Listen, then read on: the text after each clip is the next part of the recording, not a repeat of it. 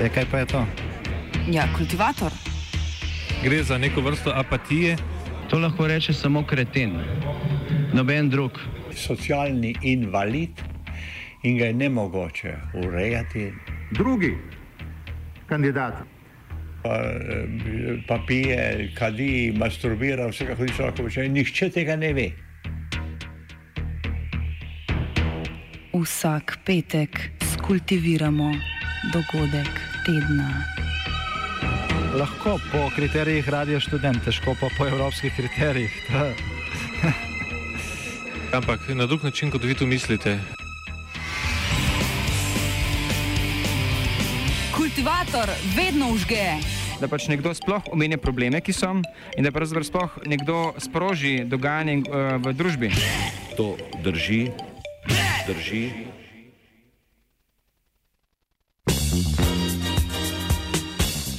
Zdravnik, pa mi vi povejte, če je to kriza.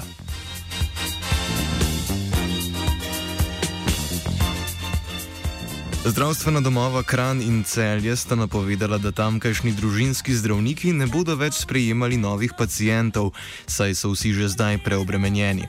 Podprli so jih v sindikatu družinskih zdravnikov Praktikum in sindikatu zdravnikov in zobozdravnikov Fides, v katerih državo pozivajo k ureditvi po njihovem mnenju kriznih razmer v primarnem zdravstvu.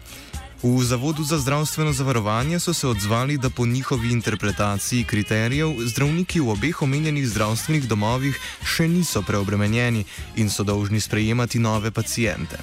Ministr za zdravje Samo Fakin pa ugotavlja, da krize ni.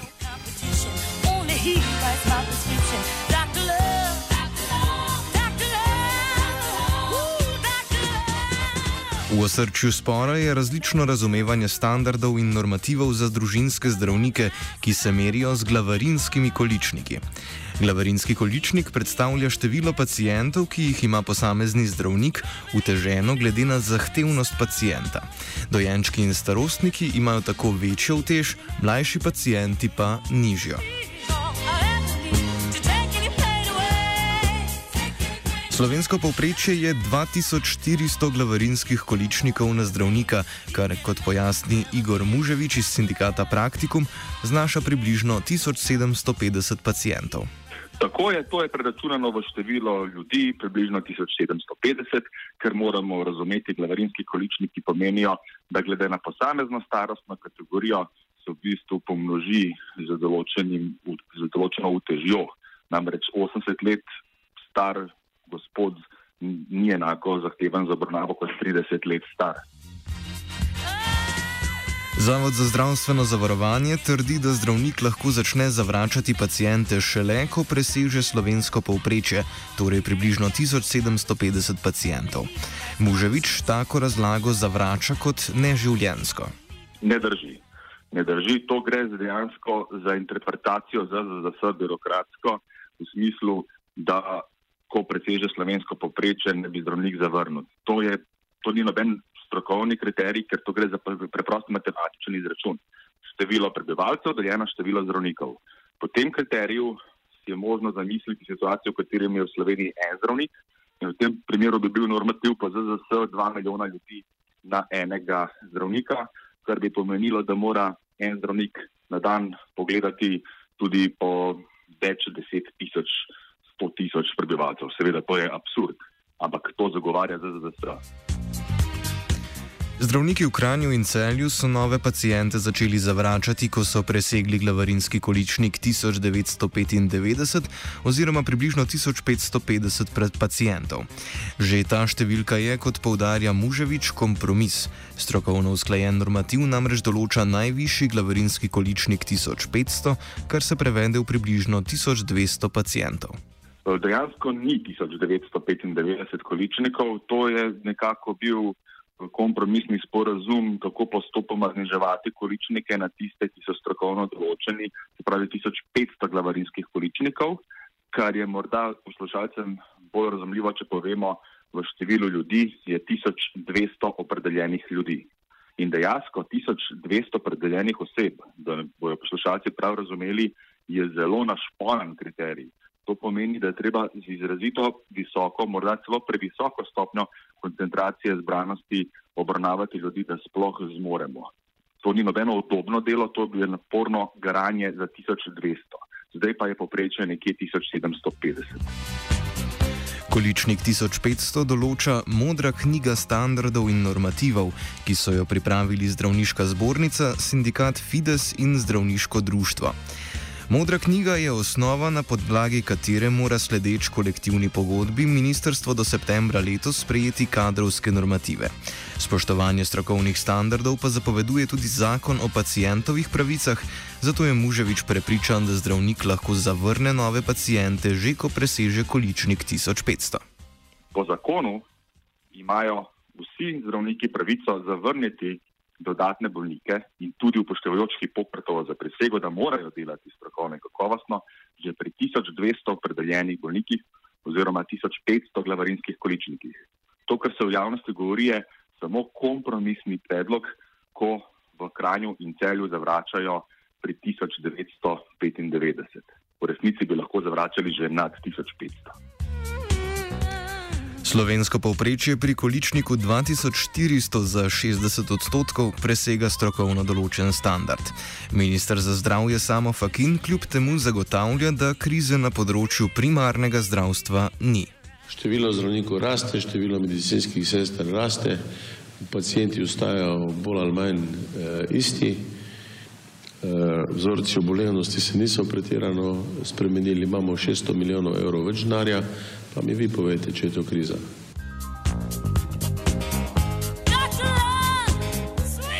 Pregled podatkov Zavoda za zdravstveno zavarovanje kljub temu kaže nekoliko drugačno sliko.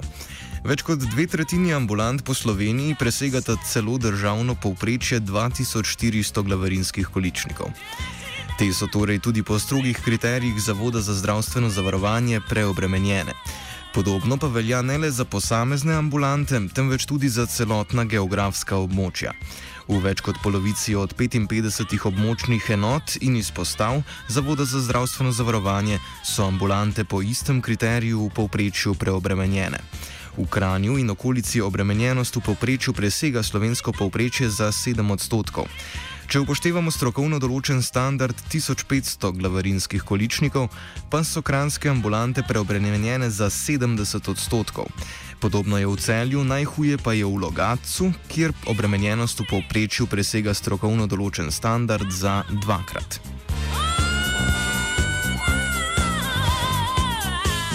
Kako je preobremenjenost videti v praksi? Alenka Nadler Žagar je družinska zdravnica s koncesijo v Ribnici. Kot pojasni, na dan sprejme okoli 40 pacijentov, ki potrebujejo pregled. Uh, tako je. Uh, mi imamo v dogovoru uh, opredeljen ordinacijski čas, sedem ur za odmorom, uh, vendar to delo ne moreš spraviti v ta časovni okvir, ker pacijente naročamo sicer uh, na 15 minut, včasih tudi na manj. In uh, v tekom tekom ordinacijskega časa, recimo, pride okrog 40 bolnikov, katere je treba klinično pregledati, se pravi z kliničnim statusom, prej anamnezom, predpisu zdravila. Samo teh 40 pacijentov bi, če bi upoštevali strokovna priporočila iz modre knjige, ki priporočajo čas prave obravnave med 12 in 15 minut, vzelo polnih 80, 88 ur, delovnika se upravičujem. A poleg tega nadler žagar sprejema tudi zahtevnejše bolnike, ker pa je ambulanta na podeželju izvaja tudi hišne obiske. Mogoče je treba izpostaviti to, da je v naših ambulantah vse več kroničnih bolnikov, torej bolnikov, ki imajo tri, štiri kronične bolezni in po več vrst zdravil, se pravi, nekateri tudi več kot pet različnih zdravil in to treba vse uskladiti. In od nas se pričakuje, da bomo, da bomo zelo uspešno vodili vsako od teh kroničnih bolezni. Sledijo pa potem, ker je to ambulanta je na podeželju, so pogosti tudi hišni obiski uh, in se včasih kar zavleče delovni dan. Poleg teh 40 pacijentov, ki potrebujejo pregled, Nadler Žagar opravlja še krajše obiske zaradi urejanja bolniškega staleža in podobnih razlogov. Skupaj sprejme tudi do 100 pacijentov. Ostalo vsaj še toliko, število 40 in morda tudi več, pa predstavlja še administrativne storitve, kot so samo predpisovanje zdravil, na recept, ki jih pacijenti naročilo za predpisovanje plenic, urejanje bolniškega staleža, podaljševanje bolniškega staleža, predlogi na invalidsko komisijo, pa še kaj podobnega. Tako da dnevno pride približno med 60, 80, včasih tudi 100 kontaktov s pacijenti. Kot rečeno, strokovni standardi priporočajo 12 do 15 minut na pacijenta pri prvem pregledu. Koliko časa pa ima zdravnik resnično na voljo? Če bi uh, Pravzaprav, ko pacijenti prihajajo v ambulanto, so naročeni na 15 minut. Naši kolegi so zračunali, da imamo, da imamo pri tako velikih obremenitvah časa na pacijenta približno 6,5 do 7 minut. Od tega nam žal zdaj le vsaj polovico tega časa oduzame klikanje in tipkanje, kar je en še dodaten problem, ker nam ga je zavarovalnica naložila številne administrativna upravila, ki jih mora zdravnik sam izvajati, sam tipka, sam, sam na potence, vse mora odklikati, da pride do, do konca. Se pravi, za pacijenta uh, pogosto zmanjka. Zmanjka, ker v treh minutah ne moreš ti poslušati njegove težave, ga klinično pregledati, pregledati njegovo terapijo in potem uskladiti to, kar bo zdaj predpisal za tem, kar ima.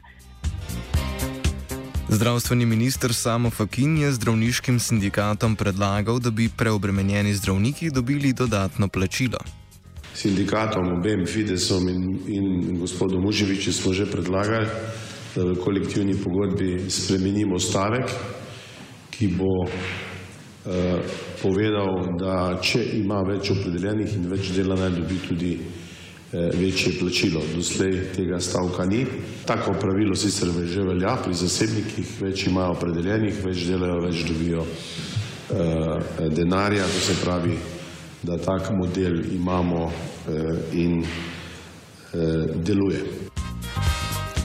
Muževič iz sindikata Praktikum takšno rešitev zavrača, saj spodbuja preobremenjenost in posledično nestrokovno delo. Če bi nagrajeval minister, kar namiguje, da bi preobremenjeni zdravniki še dodatno obremenjevali, bolni, uh, opredeljevali bolnike za više plačilo, je to seveda moralno sprevrženo, ker stimuliramo za slabše delo zdravnike. Drugo pa je, če je zdravnik prisiljen uh, delati prekomirno, ker ni nobenega drugega zdravnika, ki bi lahko prevzel njegove bolnike. V tem primeru je verjetno res prav, da je nekoliko v manjši meri nagrajen, nikakor pa ne preveč, da ne bi stimulirali slabega dela. Res je, kot pravi Fakin, da sistem pri koncesionarjih, kjer dodatno plačilo že obstaja, deluje. A ne nujno v smeri kvalitetnejšega zdravstva, temveč v smeri povečanja števila pacijentov na zdravnika. Iz evidenc Zavoda za zdravstveno zavarovanje je razvidno, da so najbolj preobremenjeni zdravniki prav koncesionarji. Tudi Nadler Žagar, ki ima koncesijo, sistem nagrajevanja preobre preobremenjenih zdravnikov zavrača. Jaz mislim, da je to nevarno razmišljanje in jaz mislim, da ne bi smeli tako razmišljati. Ne? Da ne, ne sme biti plačila. Jaz mislim, da je predvsem kle strokovnost, varnost dela in uh, pač vsak uh, zdravnik mora vedeti, koliko uh, lahko, kako veliko populacijo vlada. In, in vemo, da več kot 1500, 1700 je že težko obvladati, da, da lahko imaš nek dober občutek, da si strokoven. Trenutno je zanimanje za družinsko medicino in pediatrijo v osnovnem zdravstvu na zgodovinsko nizki ravni, pove Muževič zanimanje za družinsko medicino in za pediatrijo na osnovnem zdravstvu je zgodovinsko nizko. Dejansko se manj kot 10 do 20 odstotkov uh, mladih zdravnikov na razpisne mesta prijavi, kar je nemogoče niti vzdrževati trenutno situacijo, kaj šele dejansko izboljšati stanje. Ministrstvo za zdravje je lani spomladi razpisalo 59 mest za specializacijo družinskih zdravnikov. Prijavilo se je sedem kandidatov. Po mnenju Muževiča je število razpisanih specializacij nerelevanten podatek, če se na razpise ne prijavi dovolj kandidatov. Kar se tiče števila razpisanih specializacij, je to irrelevantno. Ministrstvo lahko razpiše milijon specializacij, če se jih ne prijavi niti deset na razpis, je čisto vseeno, koliko je prostih mest. Zdaj, ali je denar za to? Delež financiranja za primarno zdravstveno oskrbo je po besedah Muževiča na državni ravni 6 odstotkov. Muževič za primerjavo navede podatek, da je ta delež v Veliki Britaniji 8,5 odstotka. Tamkajšnji zdravniki pa si prizadevajo, da bi bil še višji. Preprosto bom povedal, osnovno zdravstvo v Sloveniji v temeljnem pomenu predstavljajo pediatri, družinski zdravniki in ginekologi na osnovnem nivoju. In celotna pogača zdravstvena za te tri veje osnovnega zdravstva znaša približno 6,3 odstotke pogače. V Angliji, recimo, namenijo za isto dejavnost 8,5 odstotkov njihove zdravstvene pogače in bijajo plat zvona, pardon, plat zvona, da potrebujejo vsaj 11 odstotkov. Število zdravnikov na 100 tisoč prebivalcev je pri nas v zadnjih petih letih naraslo z 50 na nekaj čez 60. Toda narasle so tudi potrebe po primarni zdravstveni oskrbi. No, zdaj je številka tudi narasla. Ne? Tudi pri nas ni več 50 na 100 tisoč, ampak je nekje 62 do 64 na 100 tisoč, s tem, da dejansko potrebe prebivalstva naraščajo hitreje kot pa ponudba. Poleg tega mladi zdravniki raje delajo v skrajšenem delovnem času, veliko porodniških odsotnosti in drugih stvari. Eh, dejansko države, kjer nimajo problema z dostopnostjo v osnovnem zdravstvu, eh, imajo nekje 100 na 100 tisoč prebivalcev zdravnikov, kar v praksi pomeni 70 do 100 odstotkov več zdravnikov na prebivalca v osnovnem zdravstvu, kot je v Sloveniji. Tako da se mi lahko pogovarjamo dejansko o takih velikih diskrepancah, ki jih je potrebno zapolniti. Za rešitev problema preobremenitve in zaposlovanje novih zdravnikov je najprej potrebno, da so ambulante financirane v skladu z veljavno zakonodajo. V zaključku današnjega kultivatorja povdari Muževič. Najprej spoštovati zakon, ki pravi, da je potrebno financirati ambulante glede na strokovne normative, se pravi, glede na danes 1995 glavarinskih količnikov in dolgoročno 1500. To je potrebno narediti takoj, zato da bodo zdravstveni domovi in koncesionari imeli sredstva za zaposlitev novih zdravnikov.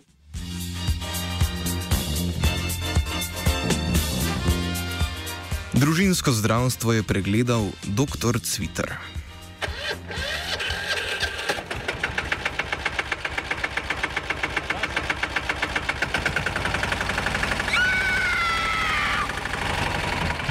E, kaj pa je to?